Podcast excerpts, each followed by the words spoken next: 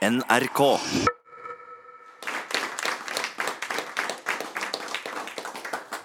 Hjertelig velkommen til KK og eh, Civita. Eh, et arrangement som også sendes i NRK P2. Mitt navn er Erik Løkke. Jeg er rådgiver i Civita, og jeg skal være ordstyrer i debatten som vi har kalt 'Kan vi stole på mediene?' I 2016 så kåra Oxford Dictionary Post-Truth til årets nyord var det et uttrykk for at vi har tatt steget inn i den postfaktuelle samfunn, der følelser har erstatta fakta som grunnlag for meningsdannelsen. Den amerikanske senatoren Daniel Patrick Moynihan uttalte en gang i tiden at «You are entitled to your own opinion, but not your own facts». Men vil ikke våre subjektive meninger også påvirke vår bedømmelse av hva som er fakta? Og hvordan skal mediene forholde seg til en situasjon der mange ikke stoler på verken journalister eller politikere? Og er det sånn at eh, noe av denne mistilliten også er, er berettiga? Et av disse forsøkene på å få til en mer faktabasert offentlig samtale er såkalte faktasjekker av ulike påstander i offentligheten. Og Er dette fenomenet et uh, uttrykk for at pressen og politikerne har et omtrentlig forhold til fakta? Og vil slike faktasjekker bidra til å øke offentlighetens tillit til medier og politikere? Det er noen av de temaene og spørsmålene vi skal diskutere i dag. Og For å diskutere dette så har vi et uh, utmerket uh, panel. Vi har Heidi Taksdal Skjeseth, som er journalist i Dagsavisen. Har vært utenrikskorrespondent i USA. Og må også nevne at du har vært et opphold på Oxford og skrevet publikasjonen 'All the President's Lies'. Altså på Reuters Institute, Fellows Paper, Oxford University. Det stemmer? Så bra. Vi har Mathilde Tybring-Gjedde, som er stortingsrepresentant for Høyre. Eirin Ekefjord, som er kommentator i Bergens Tidende, også vinner av NTBs språkpris. og Gratulerer med det. Sist, men ikke minst, Torstein Tvedt Solberg, som er stortingsrepresentant for Arbeiderpartiet. Og hvis jeg starter med deg, Heidi. Du har jo vært eh, og dekka en, en, veldig spesiell valgkamp. 2016 eh, presidentvalget i, i, USA. Og de fleste har jo fått med seg opplegget med Trump og hele den diskusjonen. Eh, hvis jeg vil spørre deg på følgende måte da, Nå er du tilbake i Norge. Hvis du skal prøve å oppsummere den store forskjellen på USA og Norge, hva vil du si da i hvordan denne offentlige debatten om fakta og sannhet foregår på? Mm, hvis du skal bruke ett ord, så tror jeg jeg vil bruke tillit. At vi har, Det er en mye høyere grad av tillit eh, i Norge. enn altså, Det amerikanske samfunnet er det ingen som stoler på noen omtrent. Nå virker det som. Eh, og særlig det at man ikke stoler på mediene. Der tror jeg er en, under en tredjedel som sier de liksom har tillit til at mediene rapporterer mer eller mindre nøyaktige fakta. Um, og politiske meningsmotstandere stoler ikke på at den andre en gang vil det gode for landet. Altså, det er en veldig sånn, skepsis til eh, folk som ikke tenker som en selv. Mens uh, i Norge så har jeg jo blitt helt rørt nå av å komme hjem. liksom, jeg hører at folk snakker om at det har blitt et uh, litt tøffere debattklima her også. Men uh, det er jeg vil si nydelig fortsatt. Ja, eh, Eirin Ekefjord eh, fra Bergens Tidende. Eh, hvis du skal innledningsvis prøve å sette en sånn diagnose på norsk offentlig debatt og dette forholdet til fakta, ikke, fungerer det egentlig ikke veldig godt i Norge? Altså, Politikere prøver å være ærlige, mediene prøver å holde de uh, accountable. Uh, og, og, har vi egentlig så mye å klage over? Nei, og denne uh, fake news-greien er jo en sånn importert tilstand fra USA, tenker jeg. Eh, når man er i norske redaksjoner, så er det etterrettelige folk med mye integritet som er opptatt av fakta. Eh, og, men da så har det likevel ska, blitt skapt en slags sånn oppfatning av at morgenmøtene hos oss det er ikke hva skjer, men hvem skal vi ta i dag? Og det er jo ikke en sånn gedigen konspirasjon der alle setter seg ned og prøver å ta noe. Det er ikke sånn det fungerer. Eh, så jeg tror utgangspunktet vårt er veldig bra. Og så må vi òg ta dette med fake news på alvor. Fordi at det er alternative offentligheter som popper opp. Folk kan eh, være sin egen redaktør. Det krever ingenting annet enn internett. Og det skaper ganske store problemer. Så er det jo alle disse her eh, deloffentlighetene med ekkokamre som oppstår på Facebook og diverse steder. Så det er jeg mer bekymra for enn at mainstream media svikter noen, for det tror jeg absolutt ikke er tilfellet. Men det, er jo ting som tyder på eh, at også norske eh, borgere har blitt mer skeptisk til, til, til mediene, jf. disse undersøkelsene som kom under nordiske mediedager. Eh, og du har jo vært eh, i, i, journalistbransjen i, hvert fall i, i noen år. Eh, har det blitt verre, tenker du? Eller hva, hva, tror du er årsaken til at folk uttrykker mistillit? Jeg tror det er blitt et klima der man snakker om det i mye større grad. Og så er det jo ikke sånn at eh, norske medier ikke har utfordringer fordi at det er bedre enn i USA. Og det, dette man snakket om med mangfold, f.eks., det er jo et reelt problem. Eh, og det handler ikke nødvendigvis om om man stemmer rødt eller eh, borgerlig. Men eh, er norske journalister representative eh, når det gjelder f.eks. Det er veldig få kristne journalister, det er veldig få innvandrere, det er veldig få som stemmer Frp. Og det gjør jo at man får en litt mer snev av offentlighet enn eh, vi kunne hatt. Mm.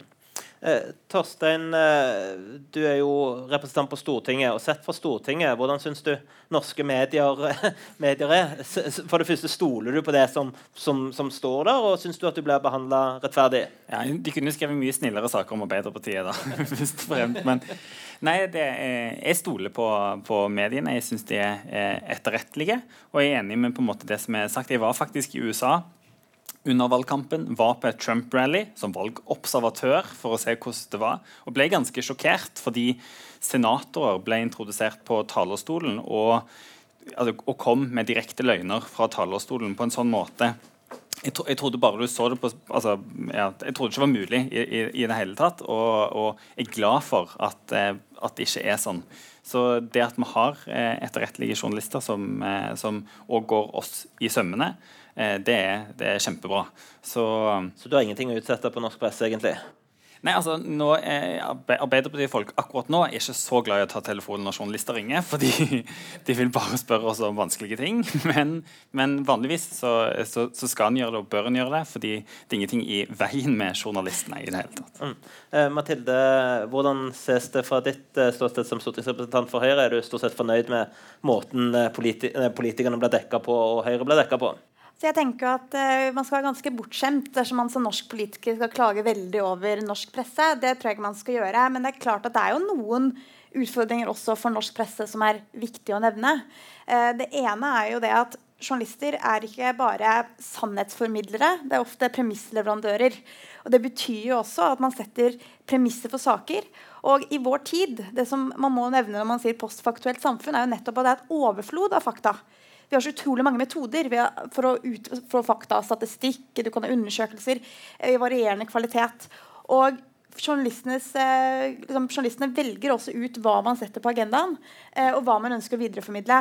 Og da er Det klart at journalistenes eh, altså det er, som du nevner, verdimangfold i eh, journalistbransjen er ganske avgjørende for at du da får et dekkende nyhetsbilde. Og det merker jeg, jeg tror Man kan peke på mange eksempler hvor jeg føler at det er både saker og standpunkter som dekkes eh, på en eh, mindre kanskje etterrettelig måte.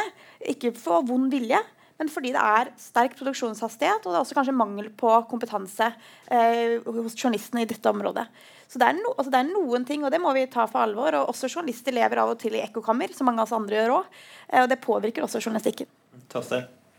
Nei, altså hvis, jeg, hvis, jeg, skal se på litt som Mathilde er inne på da, utviklingen den siste tida, så jeg tror jeg det er liksom to ting jeg vil peke på. Det ene er at jeg merker at journalistene har mye mindre tid. Det betyr at en har ikke tid til å ettergå tallene. og sånne ting. Så Fra et opposisjonsperspektiv så syns de litt for ofte liksom, tar tak i eh, tallene som kommer fra pressemeldingen fra statsministerens kontor, og bare skriver det istedenfor å ringe oss i opposisjonen og, og sjekke om det er riktig.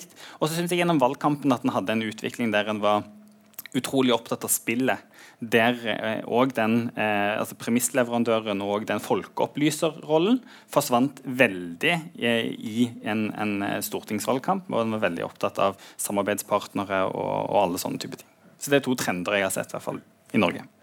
Heidi, man, man snakker mye om en sånn amerikanisering av, av norsk Uh, offentlighet også. Eh, Jf. både seg, faktasjekk, det kan vi komme litt tilbake til, men også dette med alternative stemmer og den type ting. Eh, altså, du har jo vært lenge i USA. Eh, hvor reell syns du det er at vi ser tendenser til såkalte amerikanske tilstander, som sjelden blir brukt som et positivt ord også i Norge?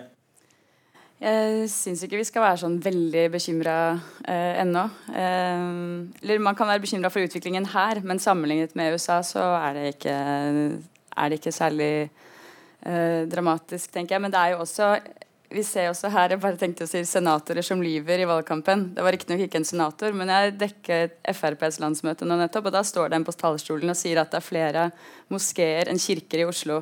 Det er helt feil. Det kan den faktisk faktasjekkeren uh, gjøre. Men det var ingen som tok og det var ingen journalister som skrev om det. var ingen som, som som korrigerte det. Så det går sikkert mange delegater rundt fra Frp og tror det. da.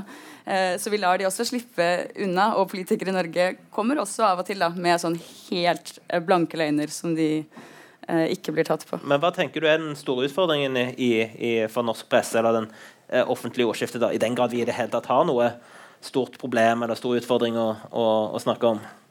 Det er vel det vi snakket om i stad. Eh, tillit. Å beholde eller bygge opp igjen da, den, den, tilliten, så folk har tro på at det de leser, er sant, og det de hører, er sant. Og ikke søker seg til eh, ja, sosiale medier for å få bekrefta det de føler er riktig. Da. Eh, så å gjøre, og det tror jeg vi bør og må snakke og jobbe mye, mye mer altså Vi har tatt det for gitt så lenge, fordi vi har hatt på en måte sånn mediemonopol eh, og vært sånne informasjonsvoktere. Og nå blir vi utfordra fra alle kanter og har liksom tatt den tilliten for gitt. Og det tror jeg er veldig farlig. Mm. Eh, Erin, eh, hva tenker du, hvordan skal norsk presse eh, bygge opp tilliten igjen, eller i hvert fall bevare den, slik at vi ikke ser en forvitring? For det er jo noen sånn skumle tendenser hvis man da bruker dokument.no, Resett og ja, eh, alternative medier, forstått da som noe annet enn tradisjonelle medier med den type redigering som en, som en er vant med, bare for å være klar over hva man mener med den forskjellen. Eh, hva, hva, er det norsk presse bør gjøre bedre?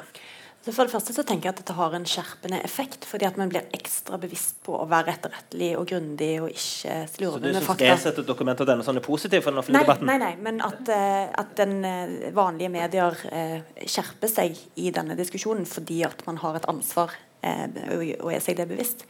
Og så tror jeg òg at dette mediemonopolet har ført med seg en viss arroganse fra ordinære medier. I årevis har man vært på tillits toppen altså, Man har eh, hatt på en måte veldig god kontroll. Og man har vært veldig eh, tilbakeholden med sjølkritikk, f.eks. Og det å innrømme feil. Eh, det, sant? Man går, eh, fremstår ofte veldig uangripelig, står hardnakka på sitt. Det tror jeg ikke er noen god strategi fremover. Fordi at eh, Det å erkjenne feil, og at det kan skje, og kanskje forklare hvorfor, tror jeg er, vil være med på å vise eh, en at en tar dette på alvor. For Hvis en aldri vil innrømme små feil som skjer hele tiden, av, ikke av eh, ond vilje, men fordi at man slurver eller fordi at alle kan gjøre feil, eh, så eh, får man en mistenkeliggjøring av at det skjer større ting. og, og det tror jeg er veldig uheldig. Mm. Eh, Mathilde, hvordan står det til med sannhetsgehalten på Stortinget? Sånn, eh, hvis du prøver å se det sånn generelt, At man er selvfølgelig opptatt av å fremme sitt eget parti si, uavhengig om man er enig eller ikke. Det er jo en del av det å være politiker også kunne, kunne argumentere for ting som man ikke nødvendigvis alltid er like enig i. Men, men, hvis du skal prøve å se stort på det, hvordan eh, syns du norske politikere stort sett prøver å snakke sant og er gode til å snakke sant? Altså, jeg, jeg, vil jo si at vi gjør det, og jeg mener jo at uh, det har vært ganske skjerpende med faktisk også at du, men kanskje nest, nesten, altså, du blir nesten redd for å uttrykke dine egne meninger, fordi det kan anses som at, har, at det er faktisk feil. Og faktisk har jo til og med gjort slik at det er jo ikke sant eller usant, det er jo nokså sant. Eller nokså usant. Som er en sånn relatifisering av hva som er sant, som også er litt merkelig, kanskje. Men samtidig så er jo det en, aksepterer man jo da det faktum at eh, sannheter ofte er preget av altså, hvilke premiss du legger frem, og hva slags sannhet du trekker opp. hva slags fakta du trekker opp. Eh, ellers så mener jeg at eh, vi, ikke, vi, er ikke i nærheten av et amerikansk, amerikansk samfunn eller amerikanske debatter. Men det er to, de to årsakene til at den utviklingen har vært i USA, den treffer jo også Norge i mye mindre grad, men fremdeles. De to sentrale årsakene, mener jeg, er det helt åpenbart at du har noen grupper i samfunnet som har mistet all tillit til de grunnleggende institusjonene. Um, og det er jo mange årsaker til det, men mye er jo da altså, at du ikke har hatt en real, reallønnsøkning. Eh, du føler at du er utelatt fra den offentlige samtalen. At det er eh, minoriteter og klimaforskere og feminister som overtar hva som er liksom hva som er sannhets, eh, sannhetsformidlingen. Eh, og det gjør at man føler seg utenfor. Og det andre er helt åpenbart den digitale altså utviklingen. Det at du får sosiale medier. Det at du kan individualisere din egen informasjon. Altså Du får jo opp informasjon fra folk som er enig med deg, og så har du algoritmer som gjør at det er kun det du nesten leser. Og så forsterker det. Du går inn på Facebook, og du er eh, vegetarianer, og så går du ut, så er du veganer. Altså Du har på en måte du har, du har eh, forsterket dine allerede eksisterende tanker. Eh, og det utvikler seg da til å ha ulike deloffentligheter. Og så disse to årsakene her, det skjer i mindre grad i Norge. Men vi er, vi er et land i verden, og vi ser jo eh, særlig da med sosiale medier at du får en utvikling av noen grupper i samfunnet som reforsterker hverandre og lever i et andre type ekkokammer. Mm. Skal ta litt av de trådene etter hvert, men jeg har lyst til å stille deg samme spørsmål. Eh, Torstein, hvor, hvor sannferdig syns du stortingspolitikerne politikerne er? selvfølgelig på, liksom, på, vegne av oss. Vi prøver jo, da, tror jeg. Altså, sånn, jeg tror alle som går på jobb på, på Stortinget eller i regjeringsapparatet i Norge, har som mål å på en måte fortelle the whole truth, nothing but the truth. Liksom, den leksa der. Men det som, jeg, det som jeg, jeg, tror, altså, vi skal jo ikke heller underspille at i Norge så har vi alltid blitt veldig inspirert av USA. Følger utrolig med på hva som skjer. Og norske politiske strateger, både i Høyre og Arbeiderpartiet, valfarter jo til amerikanske partier for å lære de triks. Og det betyr at sant, I Høyre og Fremskrittspartiet så drar de til de eh, konservative og meddratte de demokratene og for å lære av de. Og Det syns jeg vi ser litt tendenser til allerede. En så det først i Sverige, en ser det litt i, i Norge òg. Altså for Arbeiderpartiet, Vi sleit enormt med ACER-debatten, eh, EUs fjerde energipakke. Der måtte vi kjempe mot usannheter i den store politiske debatten fra på en måte det som var motstanderne våre der. Det er ikke tvil om at Jonas Gahr Støre har slitt veldig med de karakteristikkene som ble satt på han. Ikke veldig ulikt sånn som Hillary på en måte fikk veldig mange karakteristikker liksom klistra opp på henne. Så det er, altså jeg tror det, det merkes Men var, var, det løgn? Var det et uttrykk for løgn eller noe som ikke var sannferdig, eller var det bare Nei, det, er en, det er en annen type. ikke sant? Ja. Det er en annen, en annen strategi, mm. men som på en måte handler om å ta karakteristikker som, er, som, har kanskje et snev av noe i seg, men for å binde opp en eh, ja, Skape et virkelighets, eh, virkelighetsbilde. Eh, og, og f.eks. òg selvmot, selvmotsigelser, sant, der en går til valg på ting som egentlig ikke, der, som egentlig ikke går opp. Så jeg, jeg, vil på en måte heller ikke friskmelde oss eh, helt. Og jeg tror, hvis vi ikke tar på alvor de tendensene, altså den utviklingen som, som, som er, så er vi raskt eh, der som på en måte det vi snakker om som USA, bare på vår måte. da, selvfølgelig. For det er jo ikke Trump som skal si det. Det er på en måte kanskje meg og Mathilde om, om 20 år. Mathilde? Ja, altså Jeg eh, er jo enig i noe av det du sier. Jeg bare Spørsmålet mitt er hva er det som er annerledes fra den politiske debatten for 10-20-30 år siden og i dag? At man kommer med man har strategier i valgkamper og retorikk og sånne ting. Det er på en måte, det er greit nok. Sånn har det alltid vært. Der er vi kanskje enda mer skjerpende, fordi det er veldig lett å google fakta man kommer med. Så du kan fortere bli tatt eh, på løgn i dag enn man kunne for 30 år siden. Men det som, eh, spørsmålet er jo hva er det som har endret seg i det politiske klimaet. Og da er det først og fremst eh, sosiale medier og det at du får deloffentligheter, som jeg mener kanskje er det avgjørende. Sånn når det, altså I tyske valgkamper i Tyskland, når det begynner å spre seg et bilde av en syrisk flyktning eh, på sosiale medier, og det kommer overskrifter om at denne syriske flyktningen får så og så mye av den eh, tyske staten i goder, eh, og det sprer seg som en sannhet, det er klart at det påvirker også etablerte partier og hvordan de må diskutere om innvandring. og Det er jo sånne type utfordringer som er vanskelige. Det er jo spredning av fake news som påvirker den politiske klimaet også i Norge. NRK P2 sender aktuelle debatter fra ulike scener i landet. Du hører Debatt i P2. Uh, ja, Du skal få igjen, Torstein, jeg bare ta opp for å prøve å se hva er det som er den store utfordringen i Norge, som er vesentlig annerledes enn den amerikanske, selv om man ser eller kan spore noen, noen, noen lignende trekk eller noen utviklingstrekk. Og Da tenker jeg særlig på ordet spinn. Uh, det er jo helt sikkert, både, helt sikkert alle kjent med at du prøver å spinne saker for at det skal se best mulig ut. Eh, ikke nødvendigvis løgn, men, men, men, men det er kanskje en, en, en gråsone her. Så jeg, jeg, kan jo starte med journalistene eh, først. Og, og, og, Heidi, hvordan opplever du sånn, forsøket på å spinne, på å få sakene til å se så godt ut som mulig i, i, i den norske debatten? Er det en utfordring for dere som journalister? Eh, ja, det tror jeg det er. Men det er jo også noe som er veldig tydelig, og alle er veldig klar over. Altså der, hvis eh, Torstein ringer med et utspill, så vet vi liksom hvor det kommer fra, og hva som er hensikten med det. Så det er på en måte ikke så Det er veldig sånn åpent spinn, da. Det, det er ikke det er eh, en veldig sånn rett fram måte å gjøre det på. Men jeg, vil bare, jeg tror ikke det er så lurt å reise til USA og prøve å lære så mye derfra. Fordi eh, norske samfunnet er så annerledes enn det amerikanske. Og jeg snakket med en sånn populismeforsker nylig som var sånn, han rev seg hår over eh, sosialdemokrater over hele Europa som reiste til USA og studerte Obama. Eksempel. så er det sånn, Men dette er jo ikke USA. Og offentligheten er så annerledes, og samfunnet er så annerledes. Så jeg tror egentlig dere ville gjort alle, høyresiden også, alle en tjeneste ved å ikke lære så mye fra amerikanske liksom, valgkamp. Eh, det er så innmari mye spill, og det er så innmari mye sirkus. og vi bare, Det er ikke sånn Det er veldig gøy å se på liksom, på film, men det er veldig trist når du må leve i den virkeligheten. Så bare reis til Frankrike eller noe.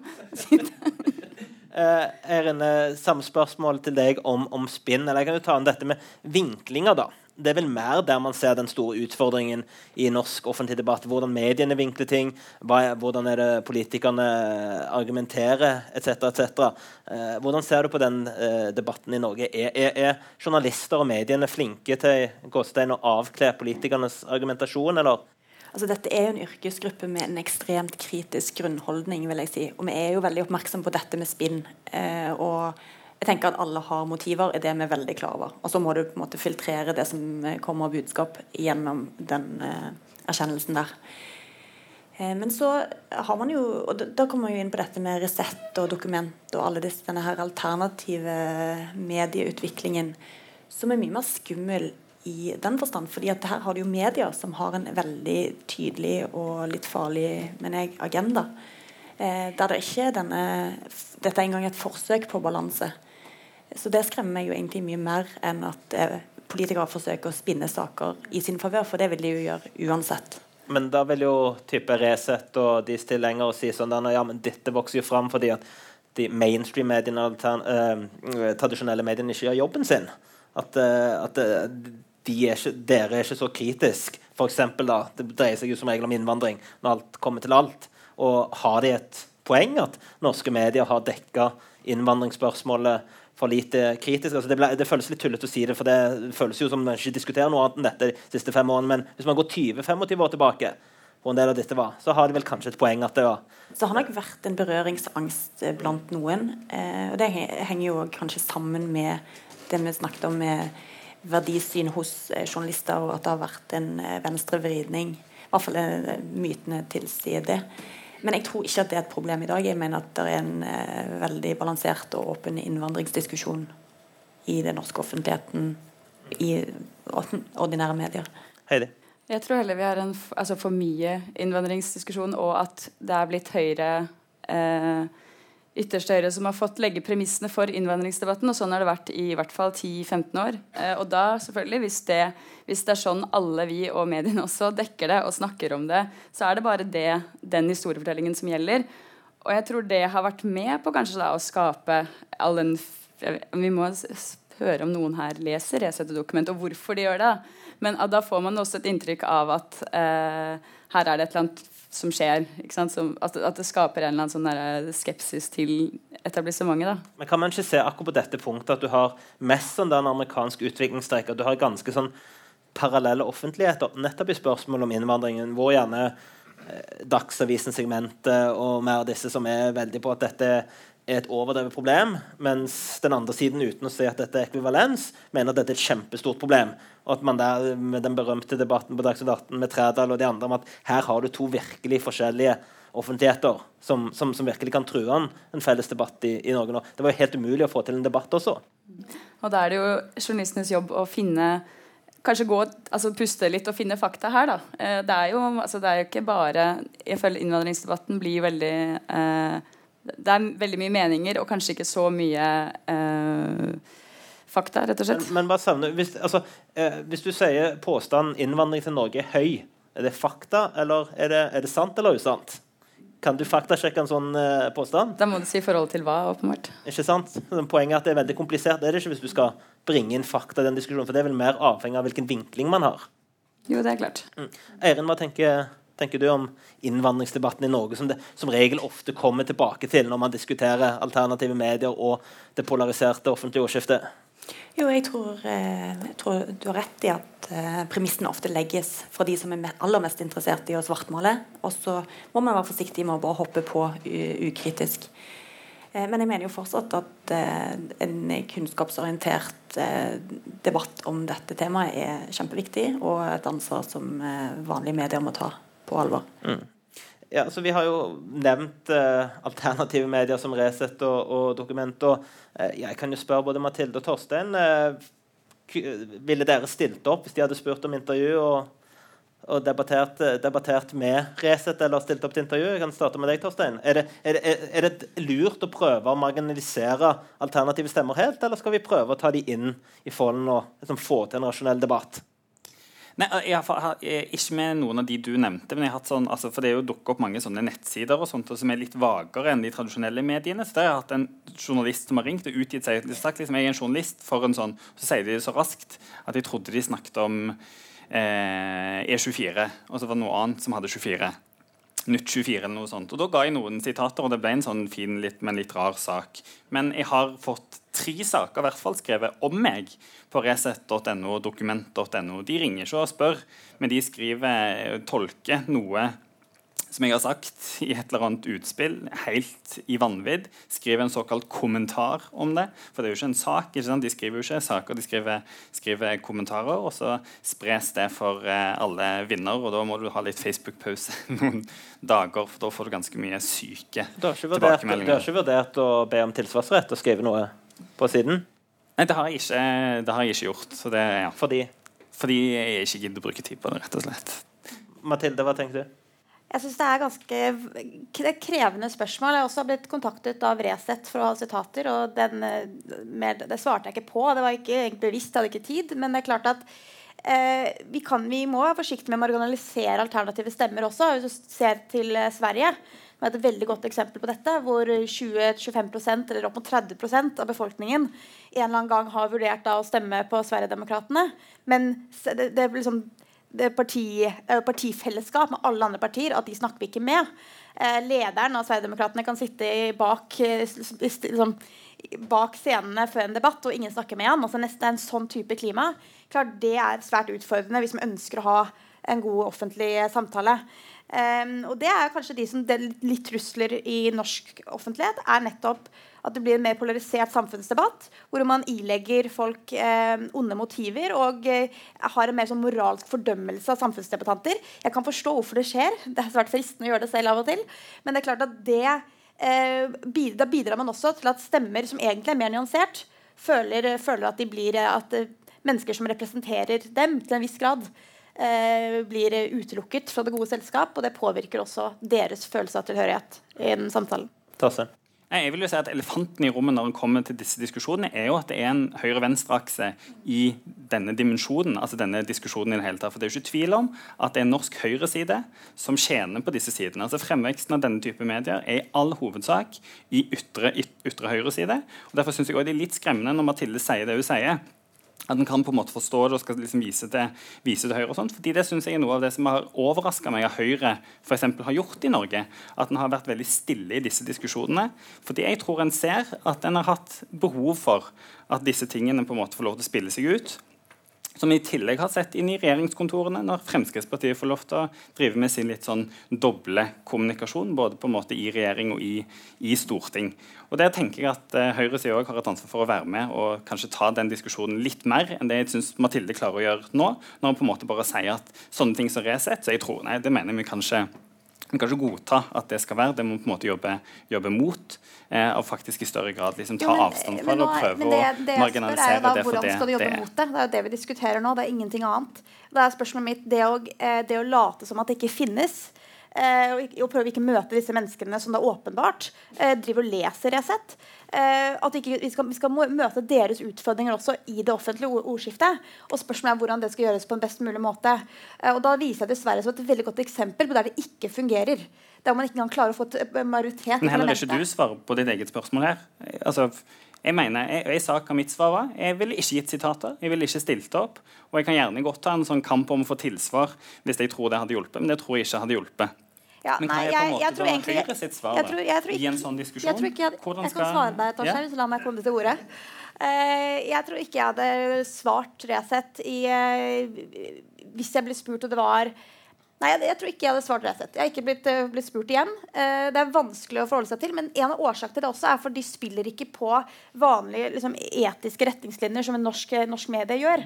Og det er jo det som er det store utfordringsbildet. Man kan spørre hvorfor leser folk Resett. Vel, Resett publiserer eh, detaljer om folks privatliv, altså, som de har gjort i noen saker det siste halvåret, eh, helt utenfor eh, hva vi mener er etiske retningslinjer for norsk presse, så er det dypt problematisk. Eh, og da ville jeg heller ikke kommentert Resett. Så jeg er enig med deg der. Men det, det jeg snakket om, var ikke Resett. Det jeg snakket om, er de menneskene som leser Resett. De Og det som jeg snakket om var akkurat det som på en måte jeg synes du beviste nå, at For høyresiden så sitter det veldig langt inne med å si det som jeg starta med å si, at vi kan ikke eh, si at OK med disse mediene og på en måte bare liksom skyve det unna. En må på en måte gå i konfrontasjon med det. Jo, men, for men, å- men nå snakket jeg å- gjennom, nå snakket jeg gjennom, nå snakket jeg gjennom velg, altså, snakket om de menneskene som leser, og det, det er utfordringen til Jeg var glad Arbeiderpartiet for det du sa til slutt. for å si det sånn. Jo, men det var jo det jeg har sagt hele veien. Hvis du hørte mitt første innlegg Det er nettopp det at vi, vi, Spørsmålet er hvordan skal vi nå ut til disse menneskene som da fortsatt har faktisk ikke så tillit til tradisjonelle mediene. Som i økende grad ikke har den tilliten. De må vi nå ut til på bedre måte enn moralsk fordømmelse, som Arbeiderpartiet dessverre litt ofte gjør. Og det vi har sett i andre land ikke fungere. Vi har sett rett og slett at det polariserer samfunnsdebatten ytterligere, og det er svært negativt for de grunnleggende institusjonene vi har. Det var fristende å si at dette var et forsøk på litt politisk spinn og litt uh, politisering Ja, av det var debatten. Det. og det må jo selvfølgelig være lov. Og så vil jeg bare si sånn at det er litt dumt, men bare litt dumt å snakke om folk som ikke er i, i, i debatten. Og jeg kan egentlig gjøre eh, Det er et hypotetisk spørsmål, men jeg har likevel lyst til å, å stille det. Hvis og ta Heidi og Eren først. Hvis vi hadde invitert Dokument eller, eller eh, Lurås og Resett i dag, eh, hadde du hatt eh, prinsipielle innvendinger mot å stille opp og debattere med dem? Nei, absolutt ikke. Uten å, at det skulle blitt noe sånn Dagsnytt 18 med Even Trædal-situasjon. Eh, men eh, nei, eh, de er jo aktører eh, på lik linje med andre. Og så kan man være eh, imot eh, prosjektet deres og måten de driver det på. Men eh, man skal jo ikke drive med knebling heller. Heidi? Eh, Ja, jeg ville også stilt opp, men eh, fryktet sånne Dagsnytt 18-tilstander. Ja. Og jeg kan forstå at politikere kvier seg også, for de blir behandlet helt annerledes enn andre. Altså, vi kunne stille opp til debatt som journalister, men de blir jo ofte behandla helt eh, altså, uetterrettelig, da, som de jeg, jeg, kan, jeg skjønner skepsisen fra politikerpanelet her. kan man legge til at både Torstein og jeg er på naboskjæringa.no, som er en liste over forrædere i Norge. som da fordi vi har på et eller annet vis vært positive til innvandring. Så det er klart alternative nettsider er vi vant med. Men jeg tenker jo at det, det, det, er jo, det er jo synd å si det, men det er jo ikke noe det, det, er jo grunn til å tro at det kommer til å vokse, hele fenomenet med alternative medier, eh, jf. det dere allerede har sagt, med alle har tilgang på, på, på internett og egentlig kan være sin egen redaktør og publisere eh, hva som helst. Men det er jo ikke alle som når de altså, Jeg vet ikke hvor mange lesertall disse sidene men mange av dem har ganske mye. Og, og da tenker jeg sånn der, til deg, Torstein, at OK, du vil bare overse det. Du vil eh, marginalisere, du vil ikke ha noe med det å gjøre. Tror du at eh, eh, om på balansen er det bedre eh, enn å prøve å argumentere rasjonelt med dem. da. Altså, mange bruker jo Sverigedemokraterna som et eksempel i Sverige hvor gale det går hvis man forfølger et sånn type rasjonale. Ja, men det var det jeg prøvde å si i den forrige runden òg, at det syns jeg er et for enkelt resonnement. For en kan ikke sammenligne den norske politiske debatten med den veldig sånn PK-svenske-debatten, der de har marginalisert det. Jeg mener, og jeg er sosialdemokrat, og det er kanskje derfor jeg mener det også, at skal du klare å møte de tingene, så må du gjøre det sammen. Og det var egentlig det jeg prøvde å invitere Mathilde Høyresida til å gjøre også nå. For jeg syns de har vært helt fraværende i den debatten, og jeg har følt og det kan godt være at det er føleri. At de har, eh, at de har eh, ikke villet ta i den debatten av en, eh, av en grunn. For, altså igjen, og det, for det jeg tror som er svaret på, på, på spørsmålet, at skal vi klare å gjøre noe med dette, klare å være en reell motstemme, så må vi gjøre det sammen. Og Da kan det ikke være sånn som det har vært, at òg politikere og folk som er aktive i politiske partier, og sånt, er med å dele det og sprer det.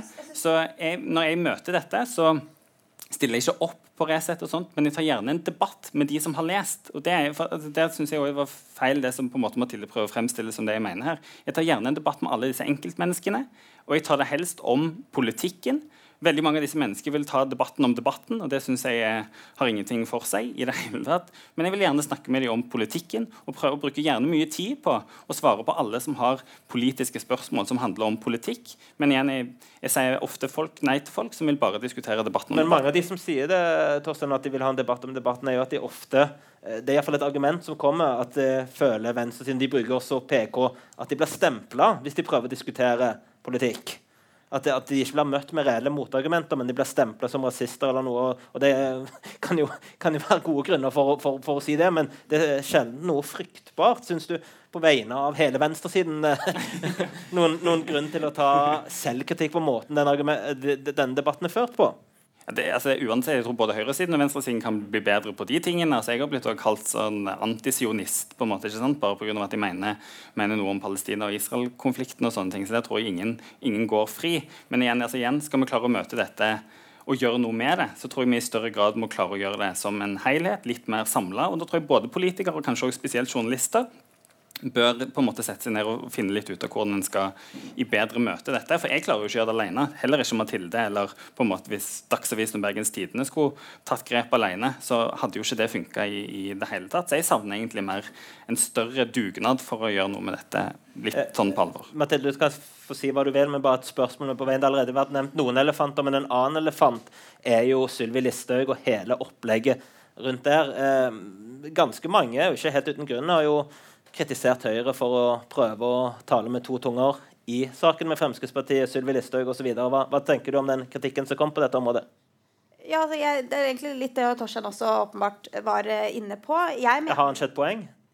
På hva? At, at man, uh, Høyre legitimerer en del av måten Sylvi Listhaug Altså man, har, man, har, man har jo tatt avstand fra bl.a. den Facebook-posten ganske mm. tydelig. og Det er en årsak til at hun gikk av som statsråd, så den, den, diskusjonen kan vi godt ha. Men det som ofte dukker opp i den debatten, er igjen eh, Man legger ut noe på Facebook om innvandring, f.eks. Det man legger ut, kanskje isolert sett, kan være innafor. Utfordringen er at du, du åpenbart har et publikum eh, som går mye lenger i kommentarfeltet, hvor det da oppstår igjen en sånn type ekkokammer som eh, gjør debatten om innvandring veldig, veldig vanskelig å stå i. Og også, eh, også helt grunnleggende liksom, rasistiske kommentarer. Det er, en, liksom, da er spørsmålet hvor langt ansvar har man også En ting er å moderere kommentarfeltet, det må man gjøre. Men skal man også stå til ansvar for andres utsagn og debatten som ruller opp? Det er, en, det er en krevende avveining, og det handler igjen om Facebook som et medium som er annerledes enn andre medium vi har hatt før. Um, det, det, jeg har ikke et svar på hvor stort ansvar man skal ha. Man må jo kunne ta disse debatter om innvandring. Uh, og jeg syns jo det er feil å si at man ikke har diskutert dette. Jeg synes Vi har hatt veldig mange debatter om, om, det offentlige ordskiftet, om retorikk, de siste månedene. Hvis det, men hvis det er noen debatt vi har hatt om innvandring, så har det vært de, eh, de siste månedene egentlig Arbeiderpartiet og Masud Gharahkhani som vil gå mye lenger og gå mot Frp i innvandringspolitikken. Så den debatten som har vært de siste månedene, har jo vært Masud Gharahkhani og Frp. Eh, og så har vi andre prøvd egentlig å nyansere diskusjonen, men det har vært vanskelig å nå ut til. For det ikke, skaper ikke den samme opphissede stemningen eh, der ute på f.eks. Facebook. Mm. Eh, Heidi, hvis, hvis jeg igjen får prøve å oppsummere og, og se litt stort på det altså du, du, har selvfølgelig nyanser her også, men jeg syns eh, norsk debatt om innvandring som sammenlignet med Danmark og Sverige egentlig er ganske god. Det er mye saklig debatt. Eh, det er, er forholdsvis noen vil si altfor stort. Uh, altså Det er altfor høyt under taket i, i, disse debattene. Men gjennomgående så syns jeg at mediene, journalistene, politikerne de, debatterer dette på en ganske god og innsiktsfull måte. At vi har lite å klage på her. Ja, Hvis man skal sammenligne seg med naboland? Ja, ja. ja, ja absolutt. Jeg syns kanskje vi dekker og Det er ikke meningen å undergrave hele kveldens tema her, men at vi snakker kanskje litt for mye om disse alternative menn og, og Resett og de folka. De er ikke så mange. De er altså høyrepopulister i Europa de har mellom 10 og 12% og de dominerer altså hele debatten. Det er det store uttrykket for at Fordi, eh, folk har mistillit til, Nei, de aller fleste har jo tillit til mediene. De aller fleste stemmer fortsatt på etablerte partier. De aller fleste har fortsatt tillit til de store mediene. Så er det, er det grunn til å ta det på alvor, men det er ingen grunn til å få panikk, tenker jeg. Og det er verdt å huske på også for uh, oss i, som liksom litt mer sånn etablerte uh, representanter for det etablerte her, da, at det ikke er sånn og shit, Resett gjør det veldig bra. Da må vi følge Det er ikke de som trenger å sette premisset for debatten, selv om de får masse delinger på sosiale medier. Og det er liksom også det med sosiale medier som Altså jeg tenker også Kjernen i det er at de tjener penger på konflikt og på raseri og på sjokk. Og, ikke sant? og Jo lenger vi sitter eh, med ansiktet på den skjermen, jo mer penger tjener de.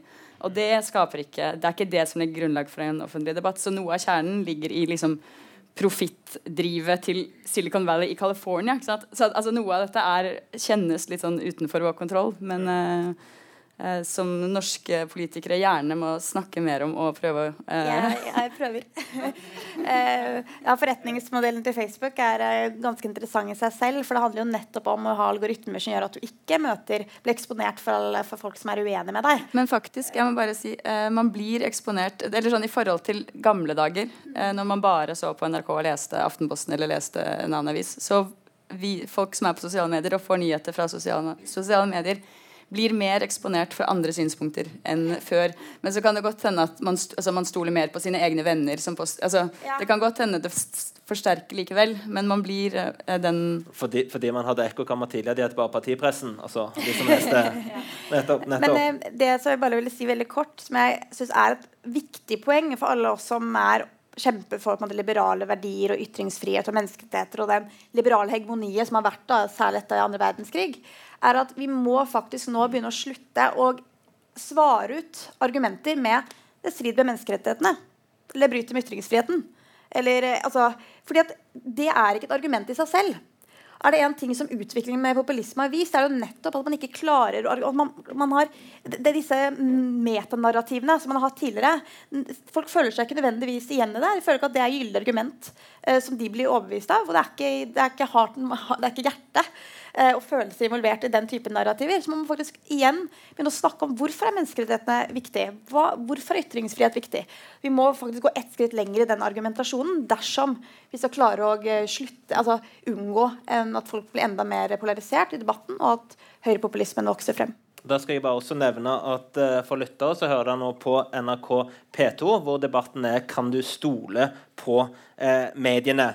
Eh, vi skal holde på litt grann til. og det, det, to temaer til jeg har lyst til å komme inn på før, før, vi, før vi, avslutter. Uh, og Jeg vet ikke om jeg igjen skal bruke uttrykket 'elefanten i rommet', men det er iallfall en vanlig påstand, som man også har fått, uh, fått uh, nye debatter etter nordiske mediedager. Det er påstanden om at norske journalister og norsk medie er venstrevridd. og som representant for en borgerlig tankesmie så kan jeg ikke helt unngå å i hvert fall drøfte, drøfte påstanden. Mathilde, du representerer jo Høyre. Eh, hva, hva syns du om norske mediers og journalisters dekning av politikk? Føler du at det er venstrevridd, eller føler du at, eh, at eh, det er overdrevet? de påstandene? Ja, eh, norsk presse er venstrevridd. Det er det. Eh, og jeg blir møtt med mye kritikk når jeg sier det, men det er det. Og så er spørsmålet På hvilken måte merker du det?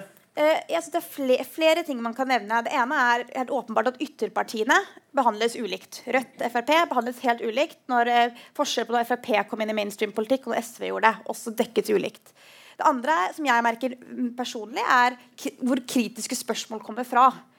Alt Når det handler om eh, privatisering eller budsjettspørsmål, så er, stilles alle spørsmål fra Venstre. Og det gjør det også fra Arbeiderpartiet. Altså det, er liksom, det, er, det, er, ikke rart man da nesten trekkes mot Venstre. fordi det er der hvor de kritiske spørsmålene kommer. Og det handler jo litt sånn om underliggende premisser og verdier som ligger til bunn. Um, og så er det jo eh, litt andre ting. Altså jeg syns uh, ofte og interesseorganisasjoner og fagforeninger de blir satt tatt inn som eksperter. Mens eh, dekning av privat næringsliv og eh, altså, gründere eller private penger i, i samfunnsdebatten stemples som noe svært negativt. Så det er, det er noen ting som, eh, som går igjennom. Eh, og jeg, de aller fleste journalister er profesjonelle, men ikke, det er veldig rart, for venstresiden pleier å være veldig opptatt av å analysere maktstrukturen i samfunnet.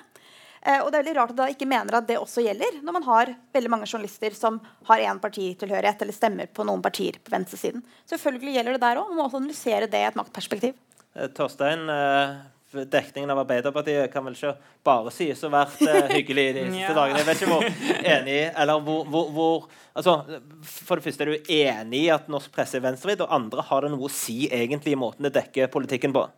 Nei, som du sier, altså Hvis det skulle vært sant, så burde jo det gått bedre for Arbeiderpartiet. Jeg, jeg føler ikke eh, at, den, sånn at den påstanden er, er, er sann. Jeg, jeg føler også at det, jeg er enig med Mathilde i at det er, det er, en viktig diskusjon, på en måte, men jeg tror det handler mer om mangfold, som vi snakket litt om helt her i starten. og, og håper vi kan komme tilbake litt til det. Men jeg føler egentlig at hele den diskusjonen om venstrevidd medie er spinn fra høyresida, fordi en ser den meningsmålingen som er. Det jeg gjorde, var å se litt på bakgrunnstallene for meningsmålingen nordiske mediedager. Og eh, for Den sier liksom norske journalister er venstrevridde. Men hvem er det? Altså SV har størst oppslutning blant kulturjournalister. Arbeiderpartiet har størst oppslutning blant sportsjournalister. Som betyr altså det, hjelper, nei, men altså det hjelper ikke Arbeiderpartiet og meg særlig da de som skriver om Viking her i Stavanger, ikke sant? De stemmer, de stemmer Arbeiderpartiet. Ofte så ser en at lokalavisjournalister eh, de stemmer på venstresida. Det tror jeg handler mer om hva, måte, hva, hva, typer de er. Mens hvis du ser på hva politiske journalister og kommentatorer og redaktører stemmer, så er det mye mer høyresidedominert. Det er en stor overvekt av venstrefolk for eksempel, som er kommentatorer og sånt. Eh, og, og, så, så, jeg, så, jeg, mener det er, det er viktig i den analysen som Mathilde er opptatt av, å gå ned i de tallene på en måte, og, og, se hva dette egentlig handler om. For Er det noen som på en måte tar med sin politiske bakgrunn inn i hva de skriver, så er det jo kommentatorene og de politiske journalistene og hvordan de vinkler dette. Jeg tror ikke sportsjournalistene er så opptatt av på en måte, ja, hva politisk bakgrunn de har de, når de skriver om, det, det, alle, når de skriver om kamp, kampreferatene. Men det som jeg tror kanskje det som, det som jeg mener høyresida sitt resonnement for det er det jeg mener det, høyresida resonnement om venstrevridd media er misforstått på hva som er venstrevridd. For det en egentlig snakker om, er liberale. Det, det den på en måte journalisteliten som det ble snakket litt om, er, er jo litt sånn amerikansk liberals. Der en er for innvandring, en er ikke veldig religiøs, en er ganske positiv til EU, en er egentlig også ganske positiv til privatisering. Så jeg kjenner meg ikke helt igjen i det som ble sagt om, om, om næringsliv. Så jeg tror mer enn at en er venstrevidd, så mangler en et større mangfold det som vi her i Stavanger kaller for Oslo-grytegjengen, kultureliten inne i Oslo, som på en måte sitter, sitter og mener noe. Så Jeg, jeg syns det er feil å få det til å handle om en sånn venstre-høyre-akse, når det handler mer om et større behov for mangfold og flere typer eh, folk. Ja, ta med journalistene også her. Eh, Heidi, påstanden om at eh, norske journalister og medier venstrevidde har du vel hørt før? Jeg kommer jo både fra Oslo-gryta og en venstreavis.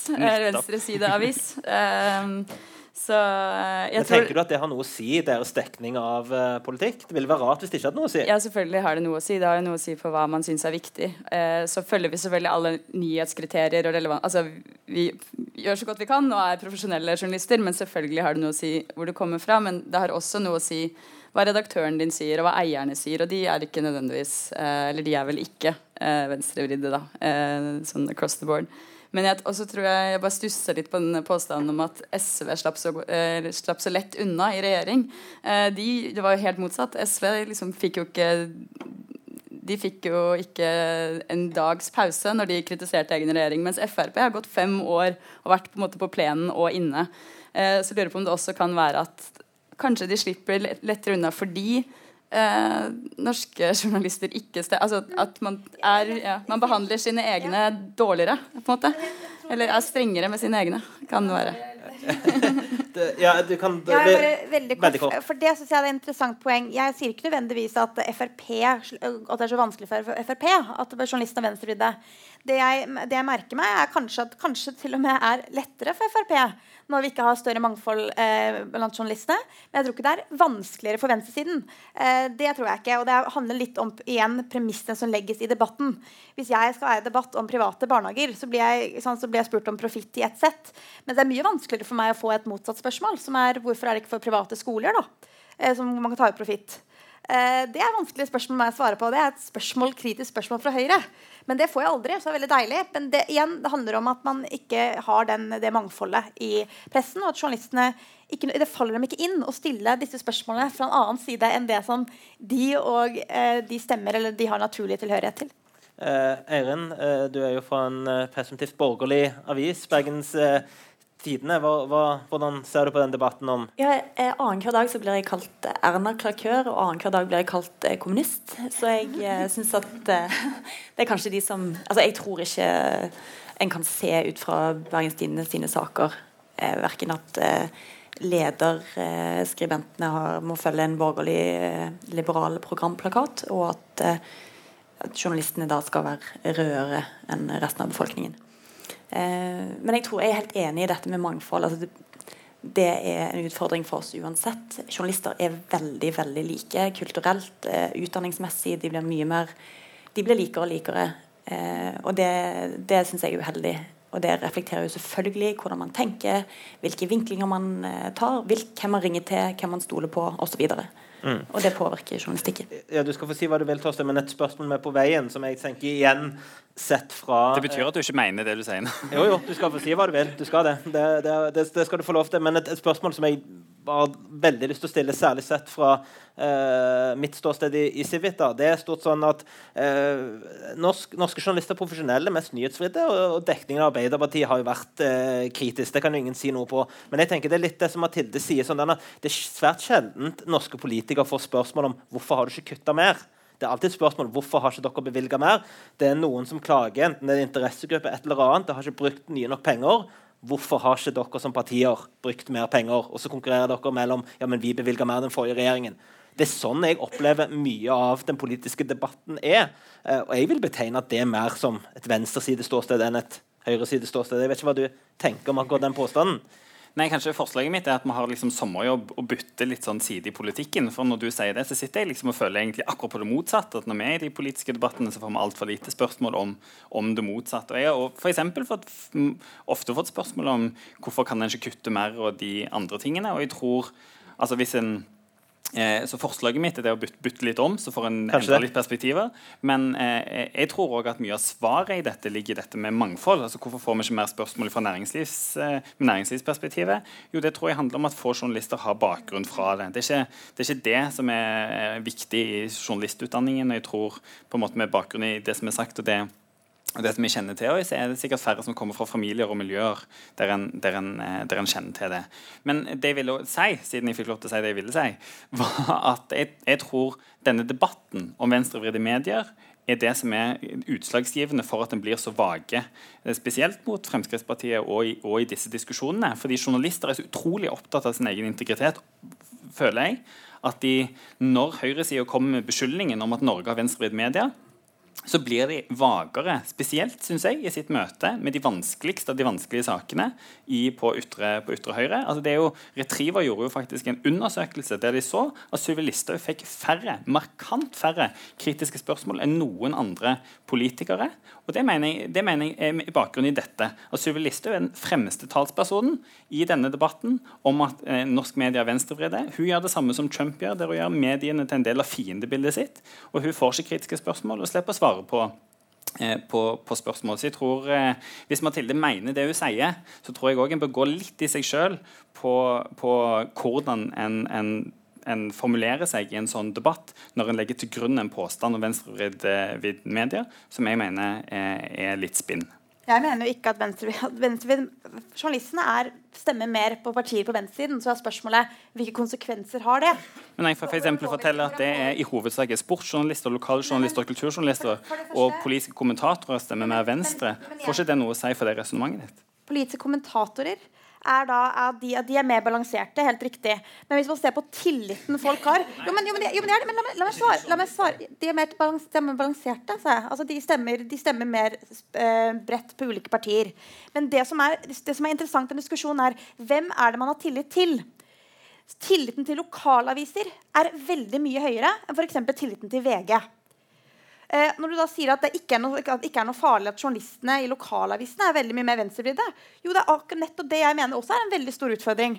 At totaliteten av, av, av, journalistikken i lokalavisene har for det første veldig mye mer å si for folk. der de har mye, mye høyere tillit til det. Og det er også da venstrevridd. Og da, da, mener jeg at det, det, man ser det på spørsmål man blir stilt, premissene i debattene, hvilke saker som nevnes, eh, og, og igjen vinkling. Og det, det, er det jeg begrunnet med at jeg mener at du ser at uh, journalistikken er venstrevridd. Uh, og så er jeg um, helt enig i at det kan ha også forskjellige utfall, f.eks. For med Frp, som jeg selv trakk opp. Men poenget mitt er at vi må være så anerkjennende Og det, det, må vi starte med å anerkjenne. Og så må vi spørre hvilke konsekvenser har det. Eh, og ja, journalister er, er opptatt av å, ha integritet og profesjonalitet. Særlig journalister i rikspressen og politiske kommentatorer. Men eh, man kommer ikke bort fra at journalister er mennesker og ikke maskiner. Eh, og at det også påvirker. Vi har under, underkant av fem, fem, minutter igjen. Veldig interessant utvikling hvis det er nå sånn at det resonnementet som Mathilde starta med at norsk media er, er venstrevridde, er nå endt opp med at norske lokalaviser er venstrevridde. Da føler jeg i hvert fall jeg har fått noe gjennomslag. Eh, for det første, det jeg sier er at Norsk media er venstrevridde. Det er det ingen tvil om. Så ser jeg på totaliteten. Og så begynte du å peke til ulike segmenter. Enig at det er forskjell mellom segmentene. Men, men bo, nesten i alle segmentene, til og med politiske kommentatorer, så ser du at det er flere som stemmer på venstre, partiene på venstresiden enn ellers. Min, min, den debatten jeg mener vi bør ha, er hvilke konsekvenser har det? Og hvordan bør media håndtere det, det som en utfordring? For det er viktig for dem å ha tillit også på oss velgere som stemmer for partier på høyresiden. Jeg tror rett og slett vi må gå, gå inn for, for uh, landing. og Da tenkte jeg å gi en utfordring til hele panelet helt til slutt. Hvis dere på et, på et halvt minutt bare for å oppsummere, Hva er den viktigste utfordringen fremover for å, bedre, for å få bedre journalistikk? Vi kan starte med deg, Heidi. Uh, jeg tror vi må som jeg sa i starten, eh, holde på å jobbe hardere for å beholde tillit eh, blant lesere og brukere og lyttere og seere. Eh, og ikke ta det for gitt. Sånn at de kanskje ikke begynner å lese Resett istedenfor eh, oss. Eiren? Jeg er enig i det. Så vil jeg tilføye en sånn, denne her pulveriseringen og oppdelingen av offentligheten, der debatten foregår i litt sånn lukka kanaler som ikke alle har tilgang til, og der motforestillinger ikke kommer fram eller bare blir meid ned. Det er òg en utfordring. Mm. Helt til slutt, Hva er Hva er den viktigste utfordringen sett fra ditt perspektiv for å få bedre journalistikk, mer tillit? Ja, altså, Det viktigste er jo at uh, Flere Frp-er og Høyre som journalister? ja, jeg tror vi trenger større mangfold i journalistikken, uten at jeg skal påbegynne forbi uh, hvordan det skal gjøres. Uh, det, tror jeg, det tror jeg er én ting. Det annet er selvfølgelig at media jobber hele tiden og tar mediekritikk på alvor. Og også sporer opp hvordan, altså, hva slags prøve å legge til, finne ut, som ikke sånn Torstein gjorde nå, som var litt sånn bagatellisering av debatten, men faktisk etterspør hvordan kan dette påvirke det, hvordan vi jobber. Eh, og så mener jeg for oss som politikere så vi må holde oss til fakta, det som er faktabasert. Eh, og vi må også være glad for at vi har norsk journalistikk og faktisk som etterprøver det vi sier. Torstein, helt slutt. Nei, jeg vil si meg veldig enig i dette hvis jeg skal si det isolert til mediene, at det er utrolig viktig at en tar debattene, og ikke minst kanskje jobber med å rekruttere mer eh, mangfoldig. Og så tror jeg utfordringen til oss politikere det er helt riktig det som Mathilde sier, at vi må på en måte ja, vise oss den tilliten verdig, være mer eh, sannferdige og kanskje eh, ja, gå, gå, litt mer i oss sjøl på, på eh, å bringe fram helheten og de gode sakene og de gode svarene. Tusen takk, Torstein, Mathilde, Eiren og Heidi, for at dere deltok i denne debatten i regi KK og Sivita. En stor applaus.